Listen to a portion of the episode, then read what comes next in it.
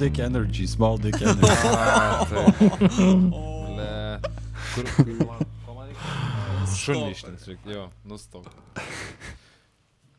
Kad tu pražystum. Kad tu pražystum. Kad Tu šun- pražystum Šunvišnę pražystum. Ačiū, Aivir, šiaip, nu, tipo, čia, čia geras palinkėjimas. Žydėk šunišnės skamba kaip kažkoks labai, labai prasta hemorojus versija. Taip, e, kaip STD. A, man šunvišnė. Arba tokias tradicinis įžaidimas. Žydėk šunišnės. Žydėk, tu šunvišnė. Šunvišnė, šunvišnė sužydėtum. Ja, ok. Nors šiaip čia linki tripo gero žmogui. Sveiki, įsijungę podcastą Proto Pemza. Laida, kur yra kaip šviežutėlis vanduoj Dūminikę.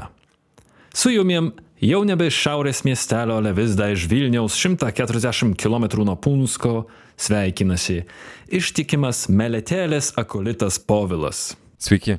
ir Puškaičio dovanų apaštalas Vilius. E, Labadiena. 1320 km nuo Punsko iš antro didžiausio Kongo artefaktų centro pasaulyje - Bruselio. Televelio kūno fanatikas Aivaras. Labas. Labai nekongiškai. O iš Punsko, vieną kilometrą nuo Punsko pašto, sveikinuosi aš, Kaukų rekrutacijos paslaugas teikiantis Tomas.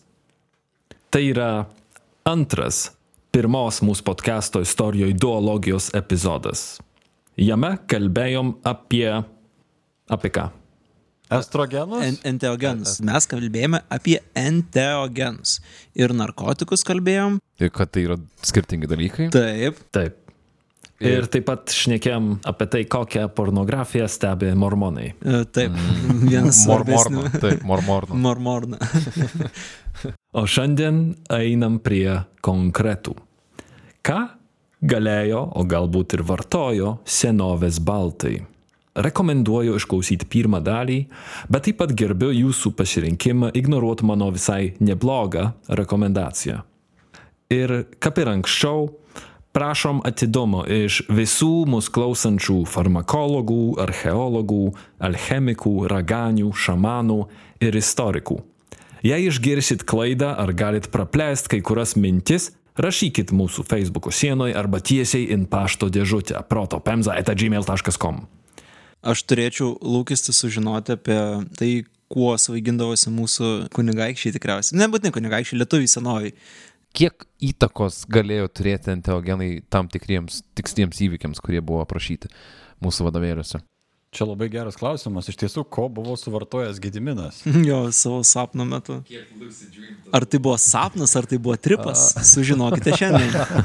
Kiek reikia LSD, kad, nu, kad tavo... Įkurtum Vilnių. Kiek, kiek smarkiai turi uh, tripint, kad nutripintum iki juodosios jūros? Ir persirengęs moterim pabėgtum dar iš. Persirengęs moterį, mat įdomu, ar ten iš tiesų buvo versija, kaip mums mainstreaminiai istorikai pasakoja. Kokia nauja perspektyva. Noriu pažymėti, kad šiandien bus e, daug spekulacijos. Šaltiniai yra labai skurdus, bet tai nereiškia, kad atėjau tuščiom rankom.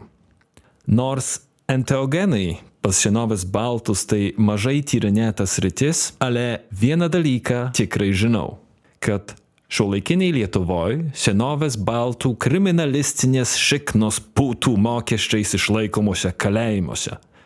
Todėl, kad psichoaktyvių medžiagų jie nevengia. Tai šiandien kaip ir uh, kaip privalgę konspiratų būsim.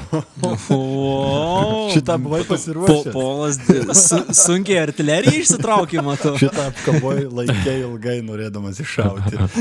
Ja, nuo praeito epizodo laukit tikrai. Savaitę marinavau.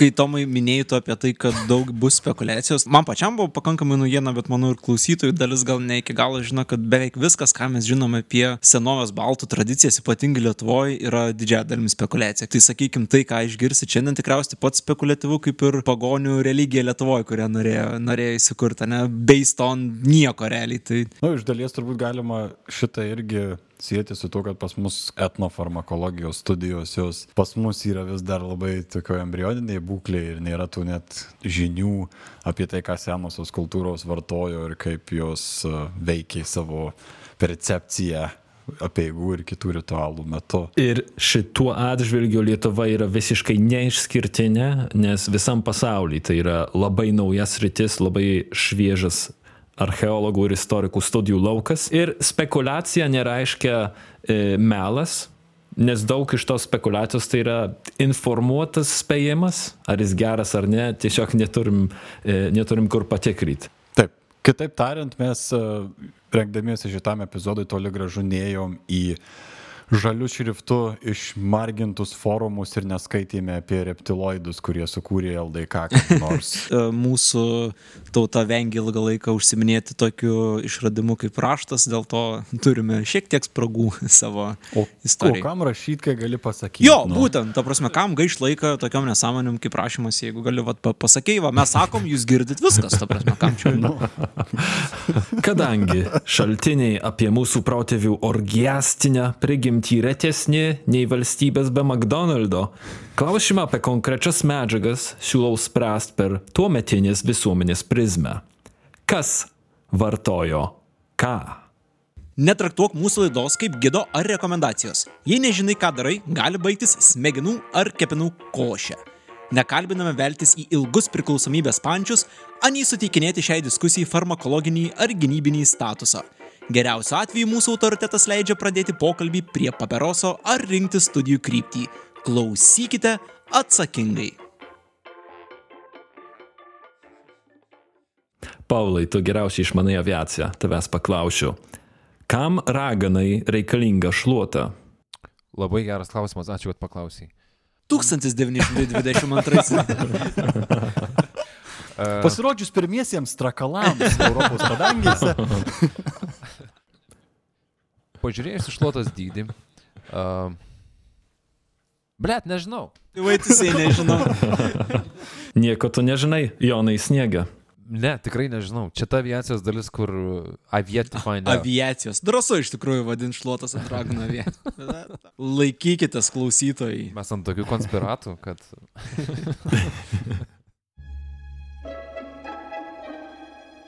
Raganos kokteilis.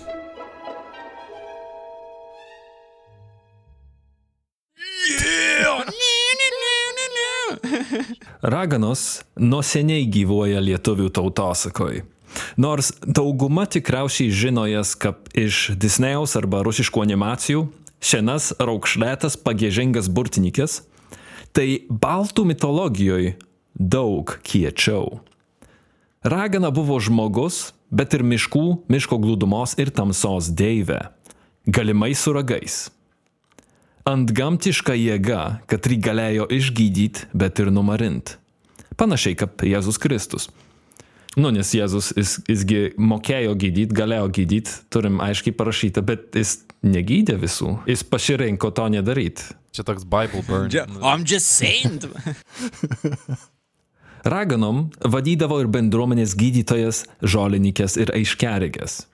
Mūsų miškuose ir pievose auga tokia farmakopeja, kad užtektų skuterio turui po Europą.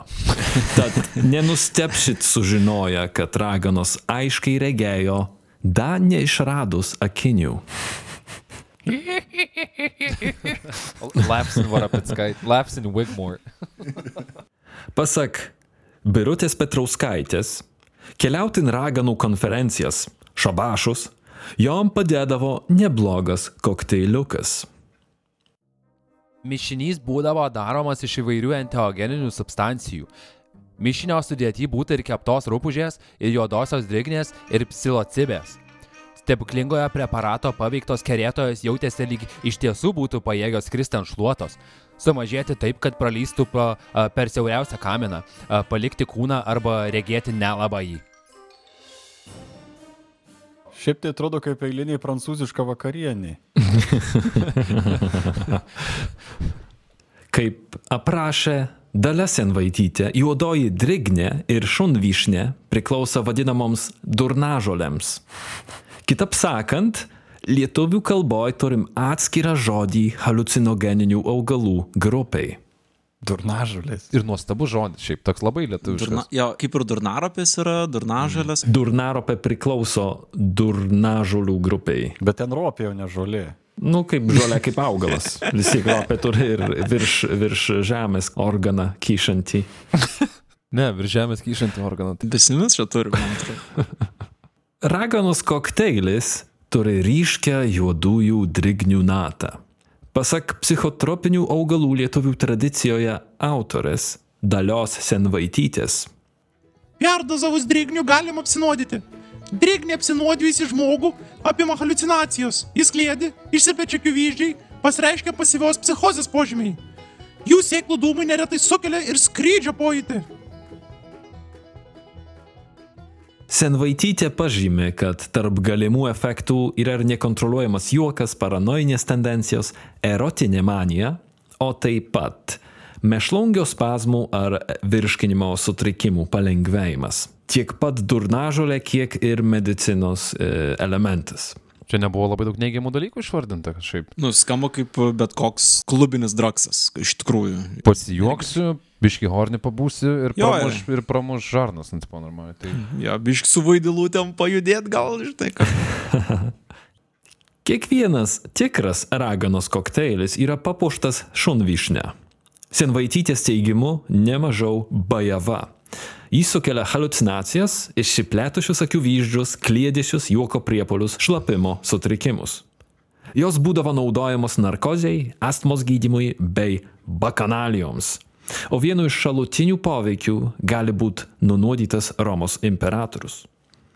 Vikingai naudojo šunvyšnę berserkeravimui, o baltai šunvyšniai galimai turėjo netgi atskirą dievą ar dievaitį vardu Kirnis, o kartais dar vadinamas Kernium. Wow. Ar tai yra kažkoks augalas, kurį mes galime sutikti šiaip, ta prasme? Nori sužinoti, ne? Ne, draugas klausė. Kiekvieną medžiagą iki šiol išvardytą galime rasti mūsų miškuose, pievose ir e, pelkėse. O šunvyšnės tai yra krūmas, ant kurio auga tokie mažos juodos spalvos vyšnukės. Ar šunvišnis, pavyzdžiui, dabar kažkaip riboja, ar aš galiu užsiauginti šunvišnių? Draugas klausė. Tiesą sakant, netikrinau legalumo statuso, bet panašiai kaip aguonos, e, šitas augalas augo tiesiog pats savo, nereikia ypatingai turbūt stebėtis, jeigu mes jį kažkur aptiksim miške, bet turiu pažymėti, kad su šitais augalais e, niekad nežinai, kokios dozės tikėtis. Kiekvienas mano dabar uh, išėjimas grybauti gali baigtis labai nuotikiu, jeigu žinosiu tik tai, kaip atrodo šunvišnė. Įdomus pointas, kur uh, pastebėjai, kad taikydavo tam tikras uh, medžiagas. Narkozė? Jo, kaip narkozė, nes šiek tiek greuna tokį mitą, kai įsivaizduoji tą senovinę operaciją kokią nors, tai žinai, su kuvalda per galvą ir tiek, bet panašu buvo kažkokių uh, medžiagų, kurios galėtų, na, padėti užmiršti skausmą, nejaus skausmą, ar bent jau tripinti taip stipriai, kad ne, nerūpėtų. Mano klausimas jums. Kodėl pas lietuvius neužfiksavo obolių dievo, neužfiksavo slyvų dievo, bet yra vyšnių dievas?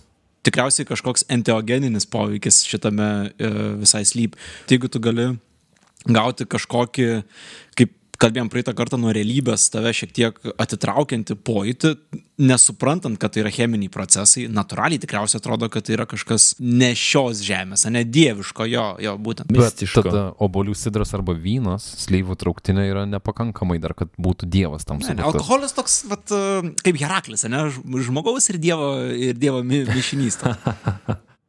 Tačiau raganos kokteilio bara neužsisakysit. Bent jau ne tokią tradicinę formą. Todėl, kad jo bazė yra riebalai ir jis aplikuojamas ne in skrandį. Raganas iš fermentuotų šunvišnės uogų bei kitų augalo dalių gaminasi skraidimo tepalą. Jį įsitrinus į odą, kaktos, rankų link ir genitalijų sritise buvo patiriama skrydžio iliuzija. Taigi, grįžtant prie klausimo, raganai šluota reikalinga neskraidyt, bet aplikuot skraidimo kokteilį. Uf. Um, aplikuoti skraidimo kokteilį į genitalijas, taip išeitų, jo? Taip išeina? Jei.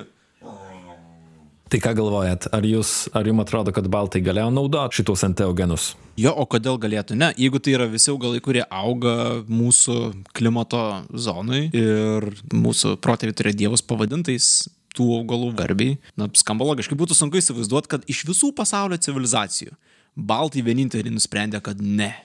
Jokių psichodelinių substancijų mes tikrai neturėsim, būsim visiškai švarus, apeliuodami 20 amžiaus vidurio laikmetį, kuomet buvo sugalvotas karas prieš narkotikus. Jie jau žinojo gal tada, kaip turi atrodyti uh, pasaulis iš tikrųjų. Tai, bet abejočiau, manau, kad aišku, kad naudoja, ta prasme būtų keista, jeigu, jeigu, jeigu būtų priešingai.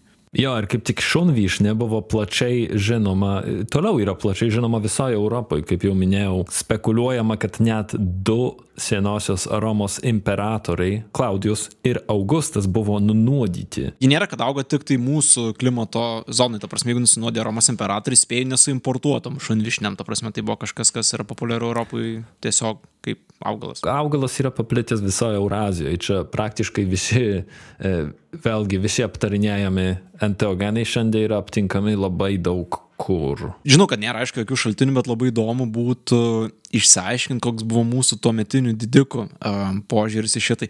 Ir įsivaizduok, kaip pakeistų visą mūsų valstybės um, naratyvą, kalbant apie narkotikus, jeigu paaiškėtų, kad koks kestutis tripindavo visą laiką ant šunvišnių, kad čia, pavyzdžiui, buvo jo dalykas, ne, kad uh, prieš kiekvieną žygį pas Maskvėnus jisai pizdavo viški šunvišnės ir va tada galvodavo, kaip ten atrodys vis. Įsivaizduot, koks kitoks herojus būtų Lisdeika.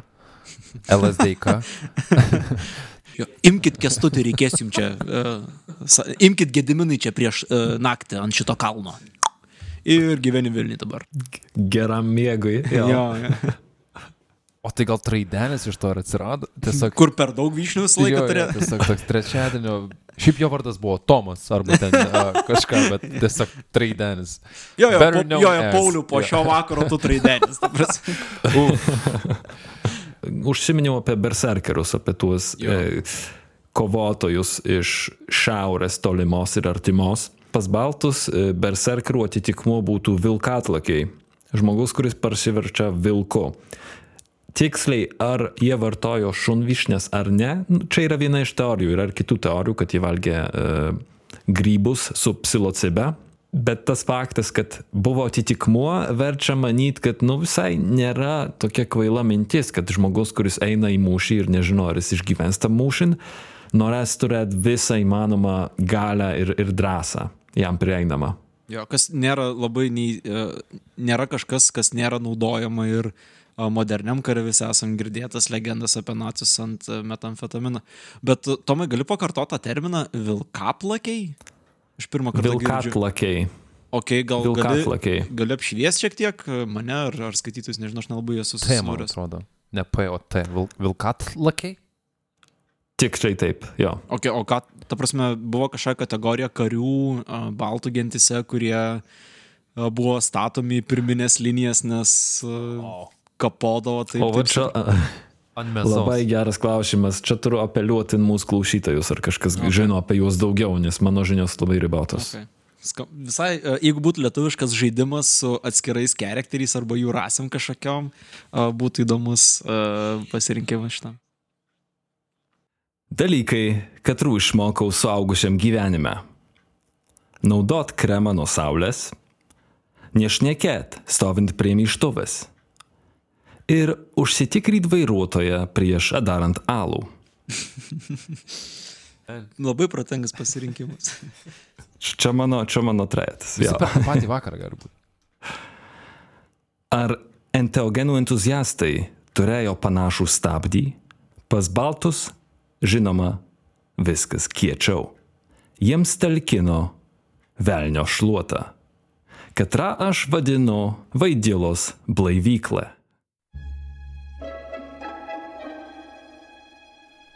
Vaidilos blaivyklė.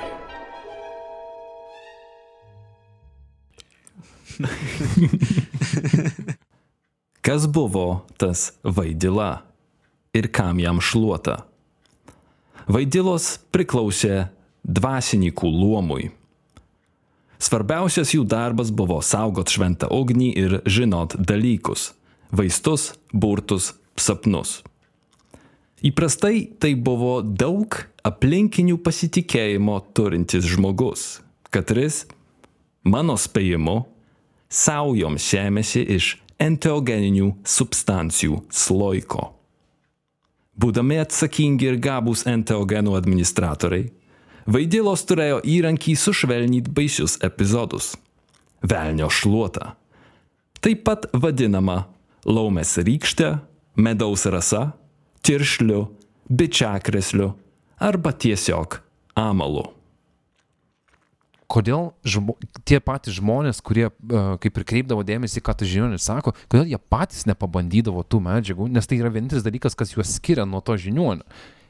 Biskį gal supaprastinė už tai, kad tai nebuvo tik tai administravimas medžiagom, tai buvo taip pat dvasinė pagalba, tai buvo kažkokias toks moralinis turbūt autoritetas ar lyderis.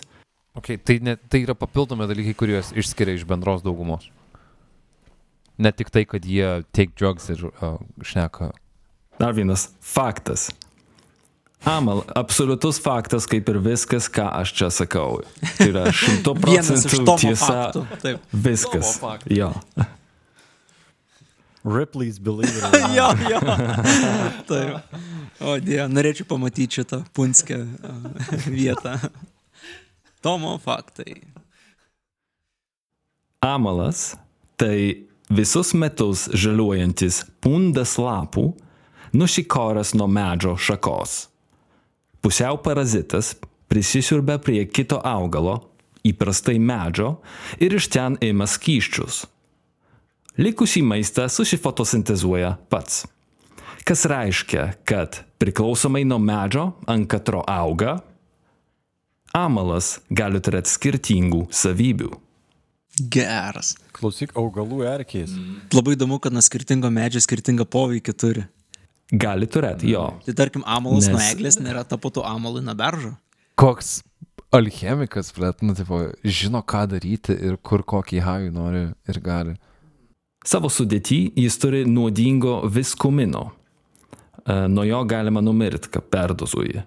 Fun fact. Ale, kaip kuriais atvejais gali turėti skopolamino ir tiramino. Tai yra e, halucinogenai. Tiramino atvejis apskritai yra įdomus už tai, kad pavyzdžiui JAV valstybiniu lygiu, tuo federaliniu, e, medžiaga yra legali. Tačiau Floridos valstija draudžia. Ir inrašus yra e, in tą patį griežčiausią draudžiamiausių medžiagų sąrašą. Amalas apskritai paėmus turėjo platų panaudojimą. Tai buvo tarp kitko vaistai nuo epilepsijos, raminamieji, antipsichotiniai e, ir taip pat su jais būdavo e, sukeliami abortai. Berots. Dėl paskutinio fakto ir galbūt kažkiek dėl to, kad e, tai yra visus metus žaliuojantis augalas, amalas nuo seno e, buvo tapatinamas su vaisingumu. Tačiau daugiausiai amalo yra ne ant medžių, o tautosakoj ir mitologijoje.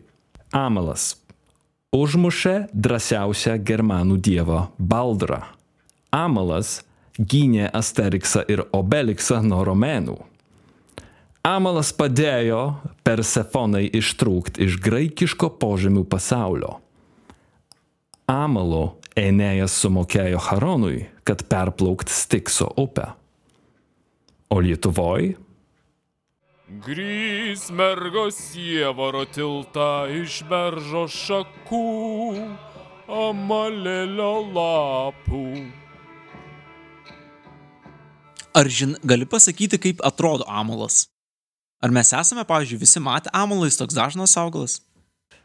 gana dažnas būna kartais važiuoji mašiną kažkur ir matai keistą šaką ant medžio, kuri yra saulutės formos. Ai, ne, nebuvo matęs Bet, tokio. jo, aš irgi, bet aš įsivaizduoju, tai amalas niekada nėra to medžio, kaip mes jį matom, kaip viena ta dalis. Jisai, kaip, kitas. nu jo, kaip erkė, užšokęs ir suvešėjęs. Bet čia, tai Kita gerai, sąskaita. Visi mes esame jį matę. Taip, čia yra dažnas augalas, kurį žmonės mato. Okay.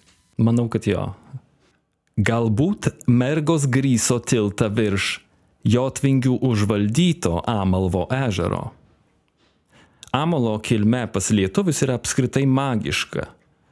Tikėta, kad jis atsiranda po žaibo, kada nėra graustinio. E, Iš čia mes lietuvių kalboje turim veiksmažodį amaluoti, kuris būtent tai ir reiškia, kur yra žaibas be graustinio. Turiu? Geras. Labai magiškai skamba. Ir šitoj vietoj tikriausiai daugelis klausytojų susimetė. Mergos, kas jum negerai, kas stato tiltą iš amalo. Bet pasirodo, jos žino, ką daro. Pasitelkim filologijos mokslų daktarą Rolandą Krekždį. Ir dar tas Kristupo Krivicko tonas, čia tokia misterija dabar aš taip Rolandai į sceną. Jovaro tiltas per adventą gali reflektuoti transcendentinio vyksmo simboliką - sielų kelią į vėlių pasaulį. Kitaip sakant, amalas galėjo būti naudotas sugrįžti iš kitų pasaulių. Tai yra ištrūkti iš transo, o gal netgi mirties. Galėjo. Kas būtų nuoseklu lyginant su kitom aptartom mitologijom ir su plačiu panaudojimu medicinoj bei nuoddarystėj. Koks sunkus žodis. Nes turi pauzę padaryti po pirmos D. Nuoddarystė. Kitaip nepasakysi. Kita vertus, galbūt šokis vidury žiemos, kada naktys ilgos ir nelabai yra ką daryti, neatsitiktinai mini vaisingumo simbolį. Ar vaidilos naudojo amalo enteogeninėse apieigose? Tiesioginių įrodymų neturim. Ale jei ragana, atskridus pas vaidilą, sakytų, kad pykina, jisai žinotų, ko jai duot. O ar amalas kažkaip lietuvių literatūrai arba šiaip šaltiniuose yra apdainuotas, arba istorijose gal yra? Tai galbūt e, klausytojai čia padės. Kiekvieną kartą, kai nežin. Tai... Jo, Tomo faktai, lūkime. Tomo faktai. tai ką, intikina jūs? Ką galvojat? Skamba kaip prieinamas ir gan paprastas dalykas, kurį laisvai įtrauktum į savo apėgos arba kažkokius ritualus, arba šiaip kasdienybėje, jeigu mokėjai naudotis tuo. O yra apie efektus kas nors, ką jisai padaro, nes čia kaip ir blaivimui tu minėjai, kad naudojau. Ką jisai padaro, turėdamas psichotropinių medžiagų savy. Skopolaminas, pavyzdžiui, jis yra e, plačiai naudojamas, kai tave pykina, pavyzdžiui, važiuoji į mašiną ir e, bandai skaityti knygą ir e, pykint pradeda, tai... E, Jo. e, ir taip pat atsait e, mažina muskarino poveikį, apie kurį dar šiek tiek išgirsit. Ir buvo naudojamas, aišku, kai buvo naudojamas, tai gal įėjo į sudėtį, čia tikrai farmaciniai klausimai, kur geriau, kad pakomentuotų farmakologas, bet e, buvo naudojamas ir tiesos e, serumo gamybai berots Čekoslovakijos slaptųjų tarnybų. Didėjai mūsų trolybusų gamintojai. Bet vis tiek daugiau tokio antidote level jisai buvo, jis nebuvo tas, kuriuo tu apsinešt norėtum. Tikrai juo taip pat galima apsinešti, nes tai tradiciškai Australijos aborigenų, vienas iš enteogenų, bet ten kita amalo rūšis, kuri irgi nemanau, kad galima lyginti taip paprastai. Okay. A, Galvau, jeigu tiesos serumo gamino Čekoslovakija ne, ir tave nuteisė ir tau duoda tiesos serumo ir kažka, kažkaip išriša tave pasadina į kalėjimą, ne? Ir tada, tarkim, praeina kokie 20 metų visi nu, mokslininkai kaip ir jau prieina nuomonę, kad, nu, nu nesąmonė yra tiesos serumas. Tai Ar tu gali apeliuoti tada savo keisą? Jeigu rimtai atsakant, aš to panaudosiu kitą analogiją - melo detektoriai, kurie yra parodyta, kad nichuja jie ten Ne? neveikia normaliai. Jeigu esi bent šiek tiek pasiskaitęs internetuose, netgi tu mokėsi apie jį, pasipraktikavęs šiek tiek. Netflix'e yra A Murder Among, Murder Among Mormons, toks miniserialas, kurį mormonų. rekomenduoju, apie vieną turbūt talentingiausių visų laikų padirbinėtojų dokumentų. Tai jisai visiškai lengvai apėjo visus melų detektoriaus testus.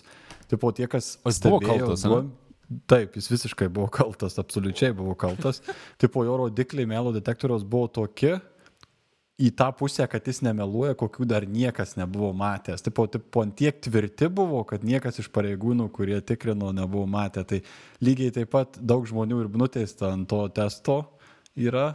Ale Aivarai, užstumai dabar ant ufologų, užstumai ant ufologų žiauriai. Nu, ką dabar man padarysi? Koks geras atsakymas. Come take me. Per stori ir per silpni mane pagauti. Jūs iš savo rūsių išeiti, jūs suprakaituosit ir uždusit. Užmetys mane Big Maco papirėliais išėjus į gatvę. Jo, jo. Salotom.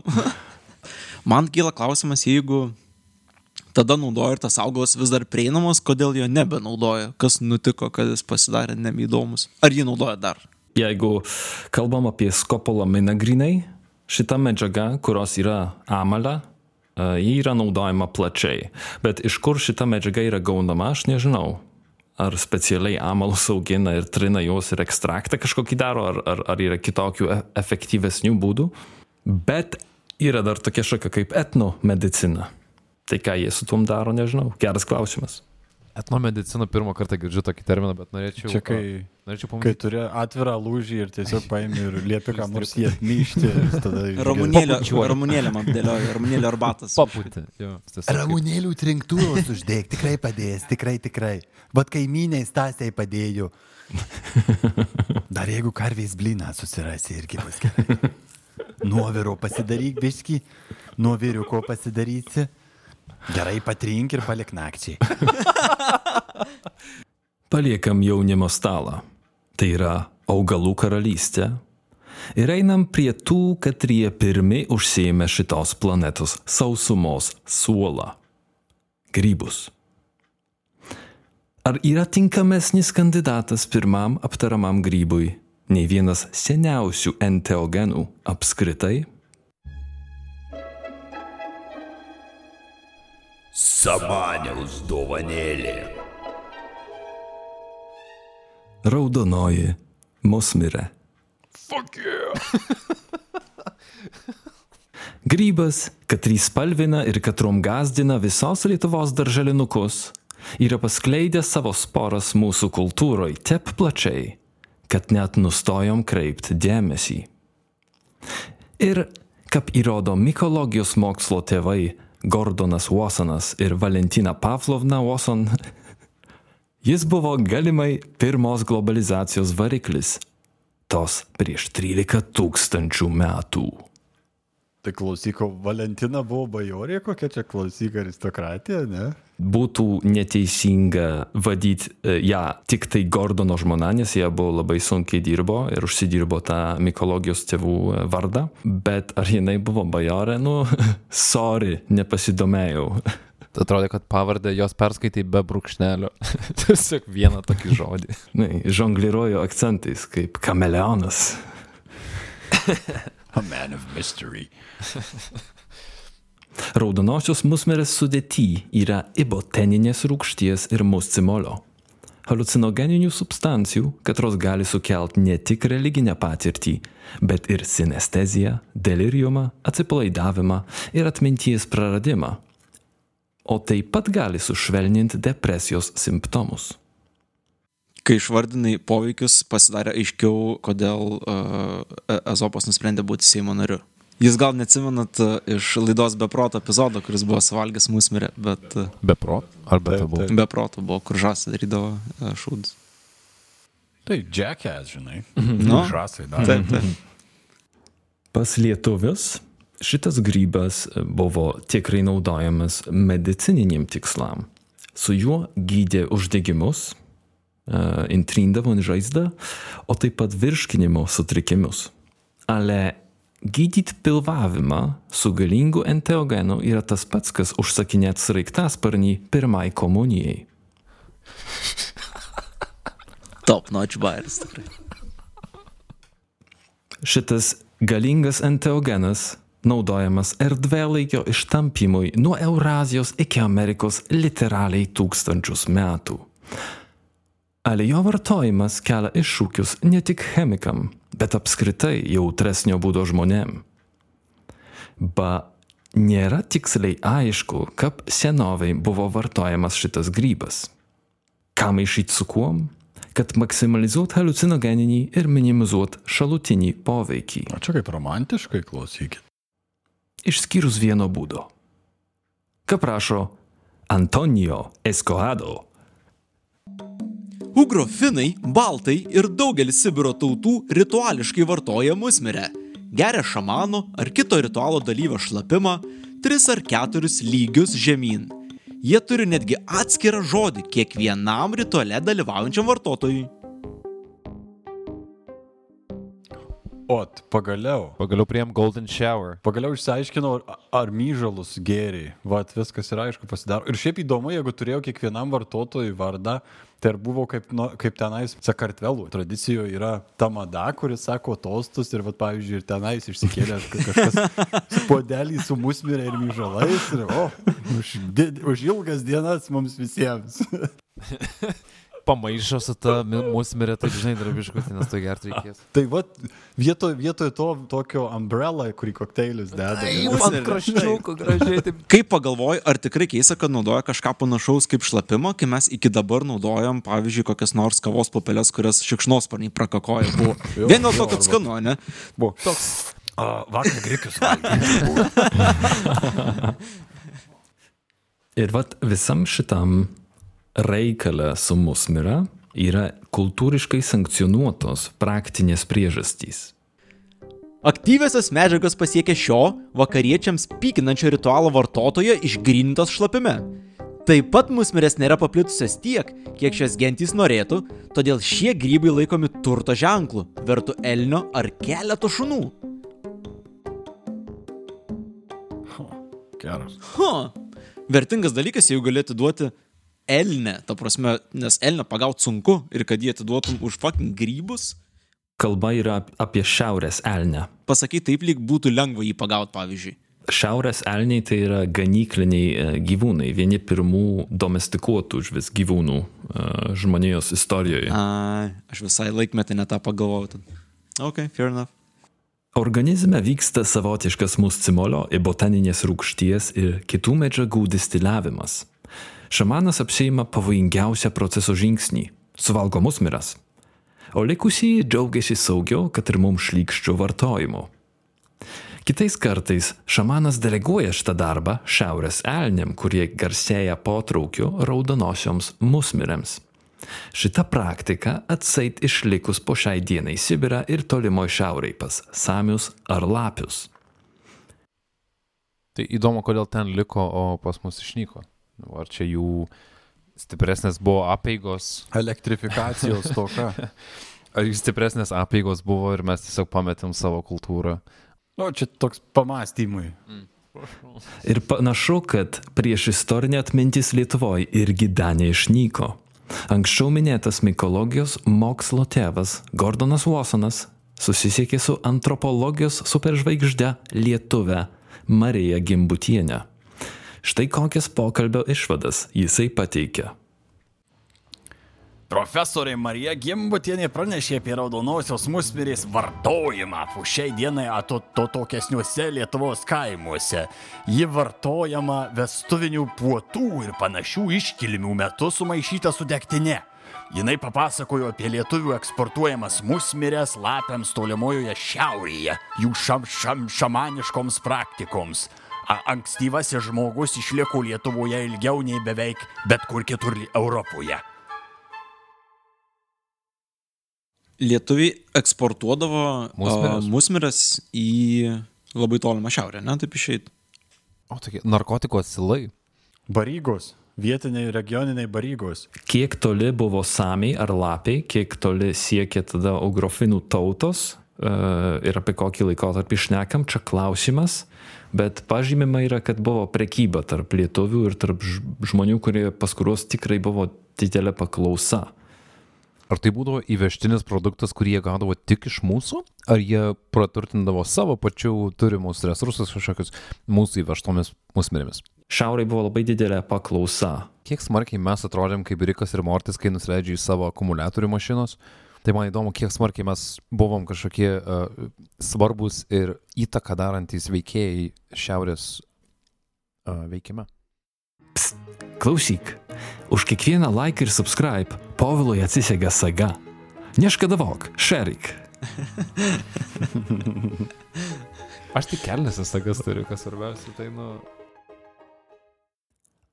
Ale vienas kleboniškas per pusbrolio Vesailę tai tik tai mažas taškutis ant plačios kultūros kepurės. Pasak populiarios teorijos, didelė šventų kalėdų simbolikos ir vaizdinių dalis tiesiogiai kilus iš šamaniškų ritualų su raudonaja musmira. Kaip sako anksčiau mūsų jau spėtas pamėgt John Rush,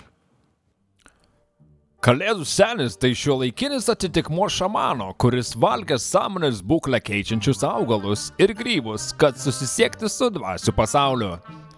Dar prieš kelias šimtus metų šamanai ar kunigai, turintys ryšį su senomis tradicijomis, rinkdavo raudonasias musmerės. Tai yra šventai grybą. Džiovindavo, o tada įteikdavo dovanų žiemos saulėgrįžos metu.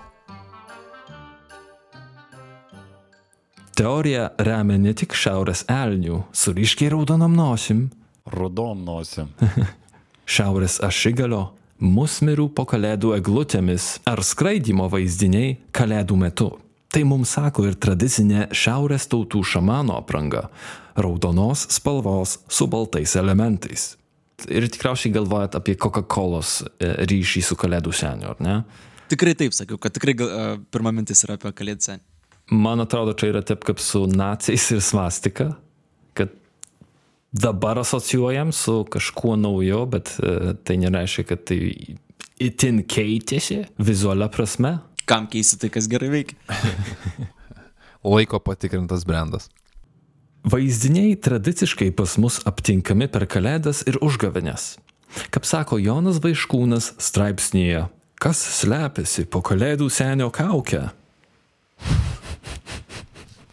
Neplauta galva. Kitų darbo pasiūlymų nebuvimas.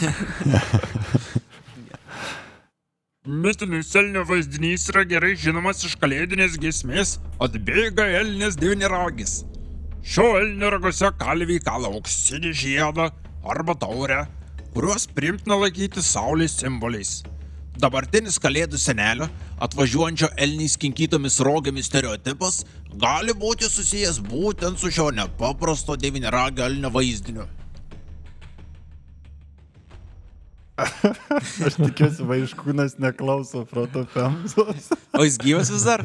Jo, jo, jisai vienas pagrindinių, man atrodo, Romuvos, tų, kurie ta bendruomenė, kuris siekia įteisinti pagonybės, e, ten tų krivulių, krivių kažkokių. Taigi nužiūrės bloga akim po to mane, bus blogai. Tai jo, jo, kiaušinių padės. Jo. Man jo straipsnis pasirodė visai informatyvus. Daug maž tokio ir ieškojau. Ten tuos visas spekulacijas apie tas pirminės kultūras, tai ten neblogai išmano. Ale netgi kalėdų simboliką galim laikyti tik paviršutiniškom samanom ant pasaulio kultūros uolienos. Baraudonoji musmirė daugelio mokslininkų nuomonė yra centrinis ne tik senovės Eurazijos civilizacijų, bet ir žmonijos pasaulio žiūros ramstis. Čia cliffhangeris. Mum patiem. O žalę musmirę naudojo kas nors? Ar tik raudoną traukė akį? Žalioji musmirė baisus nuodai. Jo, žinau. Bet sako, kad raudonoji baisus nuodai. Tai. Jo. Žalioji musmirė yra baisus nuodai, e, labai mažo kiekio reikia, kad užsimušt ant amen. Ir tai yra labai sunkiai pagydoma, nes grybai kaip nuodai veikia tokiu būdu, kad kai jais užseima kepenys, tada prasideda problemos. O kol jos pasiekia kepenys, jau yra suvirškytos, tai tu kaip ir neturi kokiu būdu šito iš savęs pašalyti. Net išsišikti Ne, negalėjau. nebent jau kraują perpilt kokią. Gali nelaukti trečiadienio. Susileist grybų, kaip tas bičias padarė naujienose, kur buvo. Susileido grybų. Jo, pas pasidarė arbatos, tipo iš, iš stebuklingų grybų pasidarė arbatą ir sugalvojau, tai jeigu į vieną susileisiu, nu tai mažu bus geresnis efektas. Susileido Ir paskui pradėjo ten keisti dalykai darytis, nuėjau pas daktarus, paaiškėjo, kad kadangi grybai turi daug tų sporų, jam pradėjo grybai literaliai kraujį aukti. What? Tai vos išgyveno, man atrodo, išgyveno, bet vos. Čia sena istorija ar ne? Ne, ne, čia buvo neseniai dar ir lietuviškose naujienose. Čia metų Darvino apdovanojimas galėtų įti, jeigu būtų miręs, bet nemirė, tai ne. Evoliucija kartais kelia, klausimų, Taip, taip. ar egzistuoja iš tikrųjų. Kaip sužinot apie įvykį, kad jį tyčia bandoma nuslėpti? Apie faraono Akenateno vardą, kurį mėgino ištrinti iš bareljefų? Arba katynės žudynės Smolensko miškuose? Vieną turim rasti įrodymų, kitą turim išlaukti palankių laikų. Ir panašu, kad laikai vis palankesni šnekėt apie vieną didžiausių istorijos myslių - paslaptį, kad slepia viso pasaulio kriviai, druidai, šamanai, šventikai ir kunigai. Ir šita paslaptis turi vardą - Soma.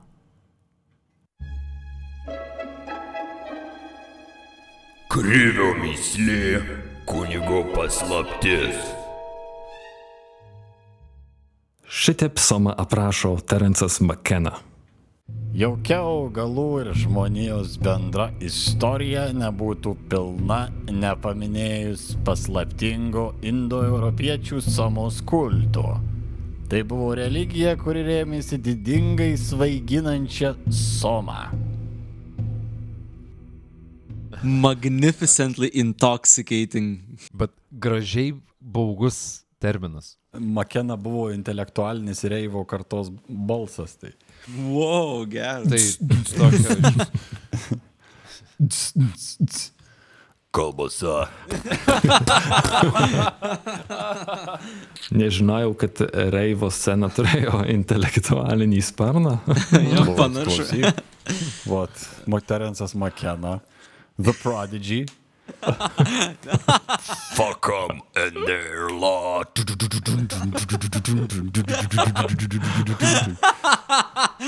Magic people, voodoo people.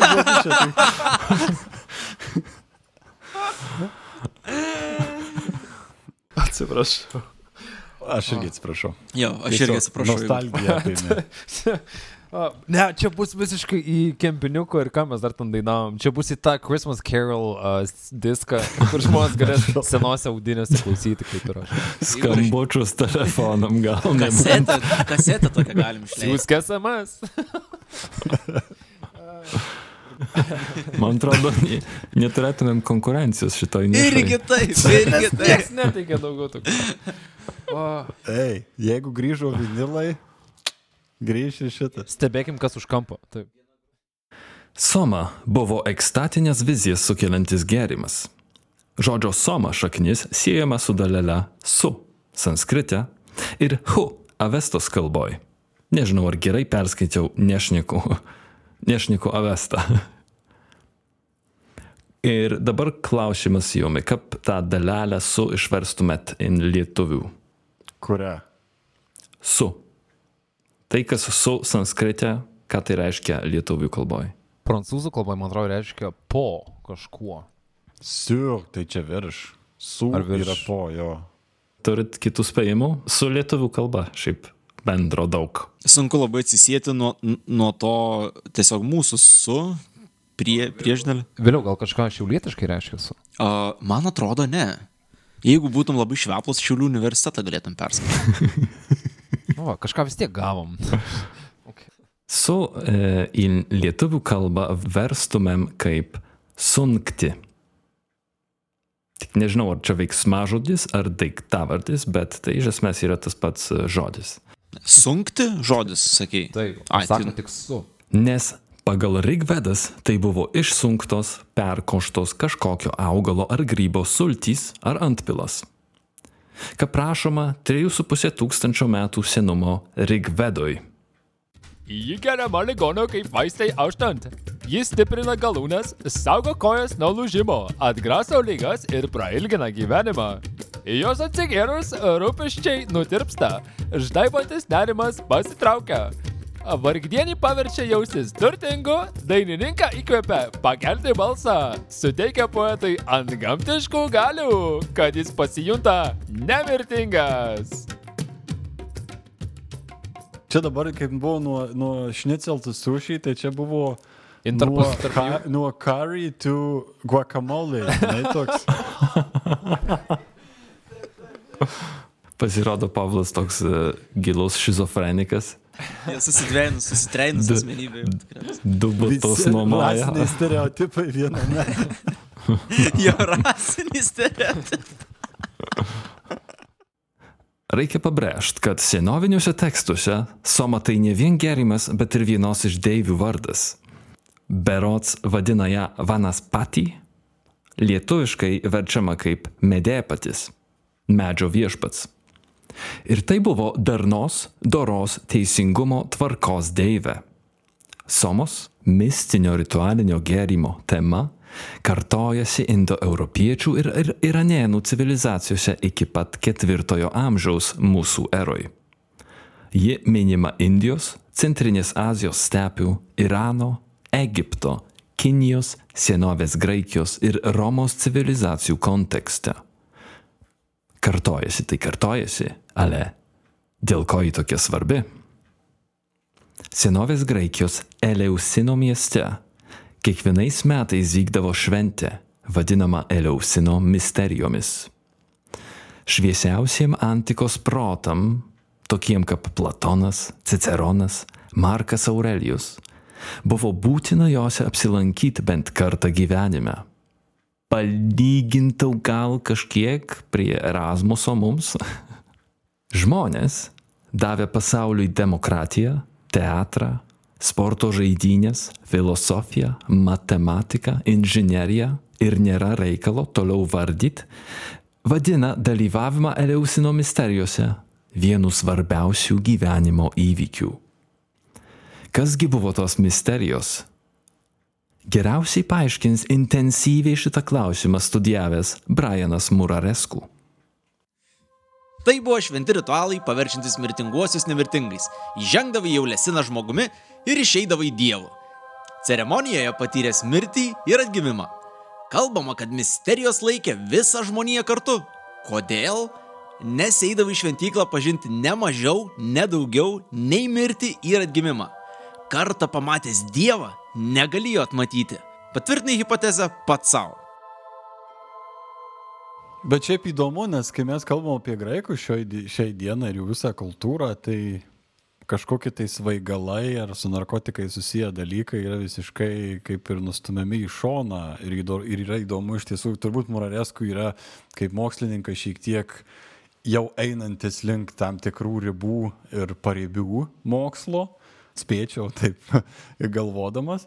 Tai a, įdomu, kiek yra pagrįsta iš tiesų šita, šita jo mąstymo dalis, kad būtent tie liausinai buvo a, pati na, didžiausia graikų patirtis ir kad jie būtent turėjo savyje kažkokį tai svaiginimosi elementą. Nes, na, jeigu tai yra kaip ir iš tiesų toks svarbus dalykas, kaip jis tai piešia, tai, na, duoda labai įdomaus peno pamastymui apie visą mūsų ir graikų kultūros supratimą, nes jisai toks gana išvalytas tada gaunasi.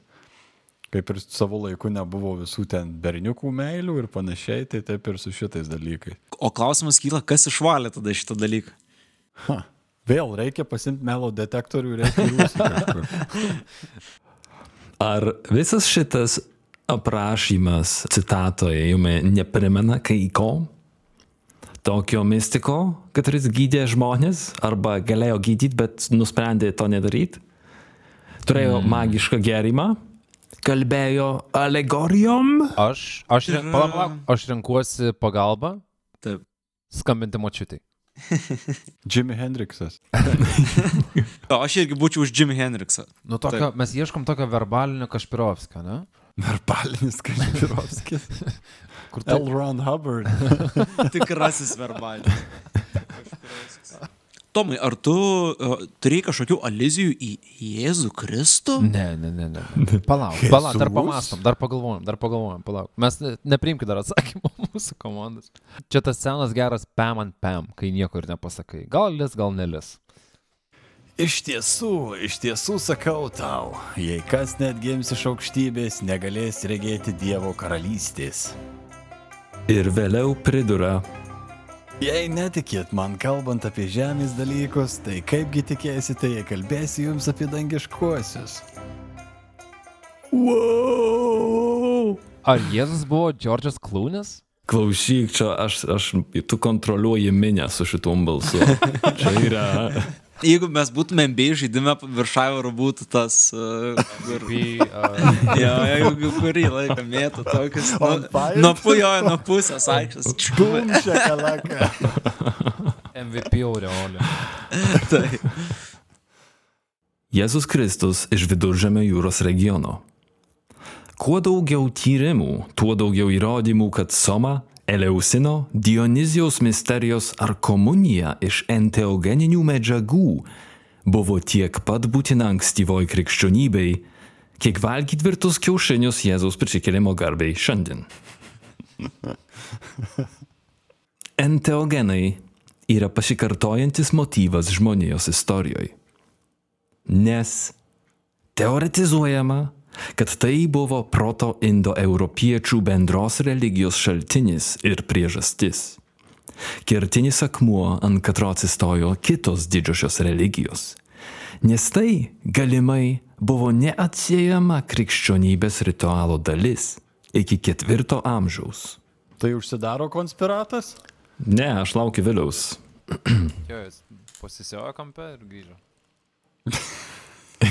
Lekščių. Žinai, vis tiek ne savo namie, tai negaila. The sacrifices we all make. Ten galėsi įsimerkti mūsų. Voila. Š, šamanuosit. Turi visą kokteilį prieš istorinį.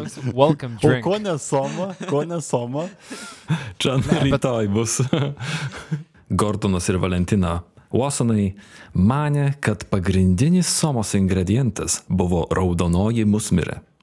Jis analizavo Rigvedos tekste aprašytą ruošimo būdą ir kartu su garsiuoju šveicarų chemiku Albertu Hoffmanu įrodė, kad ingredientas buvo tikriausiai grybas ir galimai raudonoji musmirė. Tačiau tada in ringą inžengė galingas žaidėjas - skalsės. Būtent iš šito ant kviečių augančio grybo buvo to paties Hoffmano sintezuotas lizergo rūgšties dietilamidas, žinomas trumpiniu LSD. Skalsės, vadinamos skalsiagrūdžiais, baltagrūdžiais, gali sukelt ergotizmą, tą vadinamą švento Antano ugnimi. Tai yra apsinuodijimas lydimas halucinacijų, traukulių, skausmų, agresijos, pykinimo ir gangrenos. Manoma, kad 16 amžiuje Strasbūro šventojo Vito šokis, kai keli šimtai žmonių šoko be sustojimo kelias dienas, kol mirė iš išsiekimo, buvo sukeltas skalsių. Dažnas kuris seniau tiesiog apsineždavo nuo duonos. Čia kaip viena iš tų teorijų, kodėl pradėjo žmonės uh, iš viso apsinešti nuo šitos medžiagos, taip? Kartu su duona. Kad yra tokias grybas, e, kuris auga ant javų, tai reiškia, kad tu tuom grybu, net nežinodamas, nesuprasdamas, galėdavai e, apsinuodyti. Galbūt susijęs, galbūt ne, faktas. Galbūt girdėjot, kad bažnyčios schizma, tai yra skilimas į Romos katalikus ir stačiatikius, daugmaž prieš tūkstantį metų, vyko tarp kitko dėl duonos vartojimo Euharistijai. Geras, ne, neteko girdėti šitą dalyką. Mm. Neteigiu, kad susiję, galbūt, e, galbūt ne. I'm just saying. Tomo faktai. Believe it or not. Už Eleusino misterijų paslapties išdavimą grėsia mirtis. Taigi somos klausimas lieka neišspręstas. Bet archeologai dar tik pradeda domėtis enteogenais, o jau padaryta didelių atradimų. Tikėkime, kad ir Lietuvoje sulauksim panašių tyrimų, kad jie atskleis mumi alkų paslaptis. O grįžtant prie jau aptarto kokteilio pabaigai, pridursiu, kad alternatyvinis skalsių pavadinimas lietuvių kalboje tai ragangrybis. Wow. Ragangrybis ir šunvišnė man skamba kaip miško bonas ir klaidė. Bon, bonas ir klaidė. ne taip pasakiau, bonas. Ne, bet gerai. Uh, sorry. Jo, uh, Šitas iš Airijos, YouTube. Kaip įsivaizduot, geras būtų, jeigu Bonas ir Bonė ir Klaidė sugalvotų staiga, kad abu nori pasikeisti lytis į priešingą savo ir taptų Bonu ir Klaidė paskui. Ir vis tiek liktų poroj. okay, aš labai, aš per modernus. Ne, tai tu Savo var, sakiniams. vartykis iš gaidžio. Vartykis, iš vartykis. metamfetamino statausi šiuo metu. Uh, ragangrybis ir šunvišnė skamba kaip miško bonas ir klaidas. klaidas. Ir vis tiek nepasakiau. Ragangrybis ir šunvišnė skamba kaip miško bonas ir klaidas. Tu, nu man tai versija su Bono gal geresnė. Jo, pirmas variantas geriausias. buvo. Bono ir Klaido.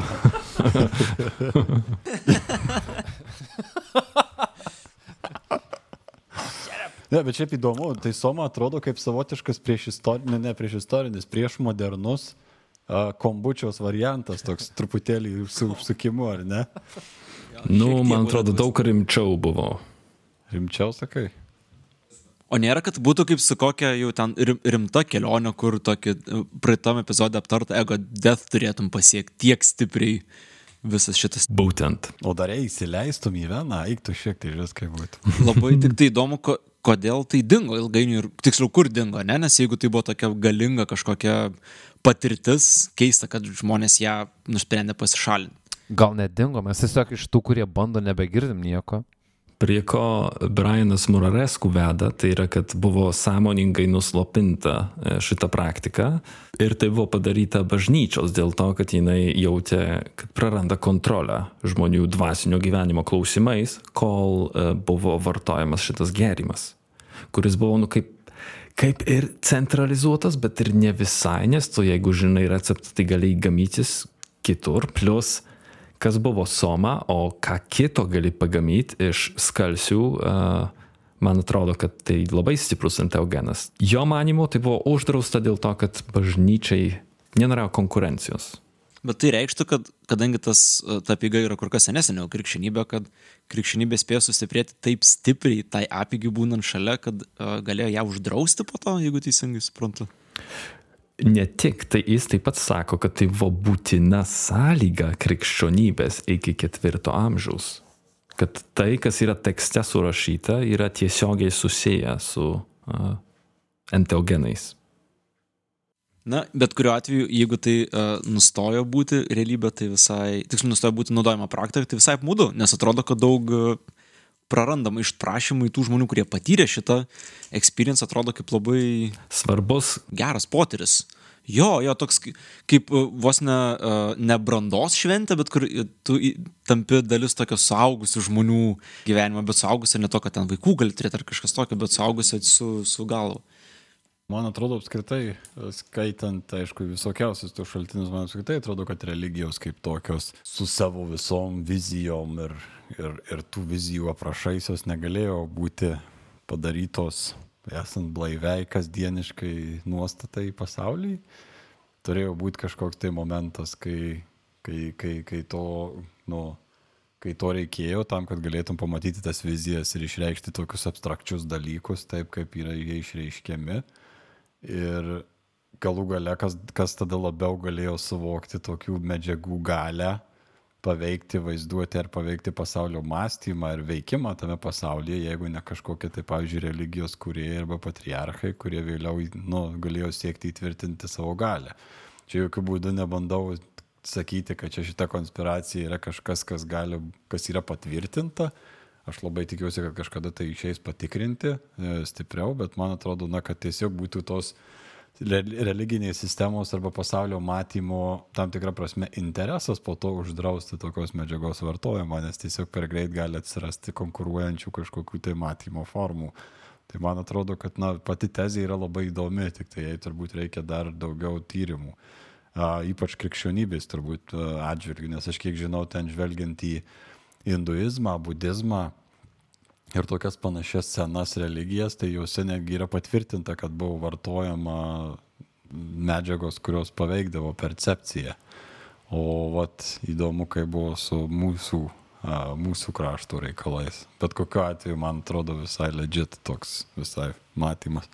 Sutinku. Tarkim, įdėgi komunizmą ar ne, ir tu tikrai nenorėsi, kad atsirastų nauja komunizmo praiška, nes, nes tai kaip ir paneigia tavo komunizmą kaip vienintelį komunizmą. Tai manau, kad ir religijos atžvilgiu. Įdomu, kiek laiko už prireikia, kad išsigimti iš tos dalies, kur tu su kažkokia tai apigar medžiaga pritrauki ir ta pasakai, kad tų medžiagų negalima iš tikrųjų naudoti. Ir, ir... Palauk, tai kultaigi buvo 20 amžiuje, kažkuriam kulte tai buvo iš tų garsiųjų, kur tipo irgi viskas prasidėjo nuo vartojimo. Ar ne Rockterio tas visas kultas buvo, bet ten irgi berots prasidėjo nuo vartojimo, po to buvo tiesiog viskas uždrausta labai greitai, nes buvo pamatyta, kad žmonės gali pradėti per laisvai mąstyti, per daug improvizuoti savo mąstymu. Ir jokiai sistemai norinčiai tapti totalinę, a, laisvesnis arba net tiesiog labiau nurautas mąstymas nėra priimtinas. Grėsmė. Ne, visiškai grėsmė, visiškai. Grėsmė išlikimui Taip, apskritai. taip. Jo, tai. O vat tokia ir yra tezė Muraresku. Jisai sako, kad jeigu tu gali tiesiogiai susipažyti su Dievu tokios vat patirties metu, Tau nereikia tarpininko. tau nereikia tarpininko jo. Institucijos. Libertarai, klausyk, tie, kas vartoja tokius dalykus, libertarai yra. Bet tuo metu, kaip, jau, kaip pasakojo apie senovį, tą apieigą užsiminėjusius žmonės, dažniausiai, ir, nu, dažniausiai tą kartą, kurį girdėjau, ir buvo paminėjęs, kad tie, kurie darydavo, tai buvo pakankamai skeptiški religijos klausimu. Ir tą visą patirtį ir traktuodavo kaip tiesioginį susidūrimą su tuo, kas galėtų būti Dievas tuo metu, kai tu patiri tai. Šitam kontekste, man atrodo, ir vertėtų tą ayahuaskos pavyzdį pristatyti kaip panašią funkciją vykdančio enteogeno, e, dvasiškai sankcionuota, visuomeniai sankcionuotas naudojimas e, labai stiprios medžiagos, kur, e, kur iš esmės yra tas pats DMT. Sumaišytas daugiau, su kokteilis ten visas, bet DMT yra pagrindinė dalis, jau aš kaip suprantu. Būtent, manau, kad atsirado žmonių, kurie pradėjo tikėti Dievu dėl to, kad pradėjo vartot, bet kokią jie religiją pasirinko, šito neteigiu. Na jau.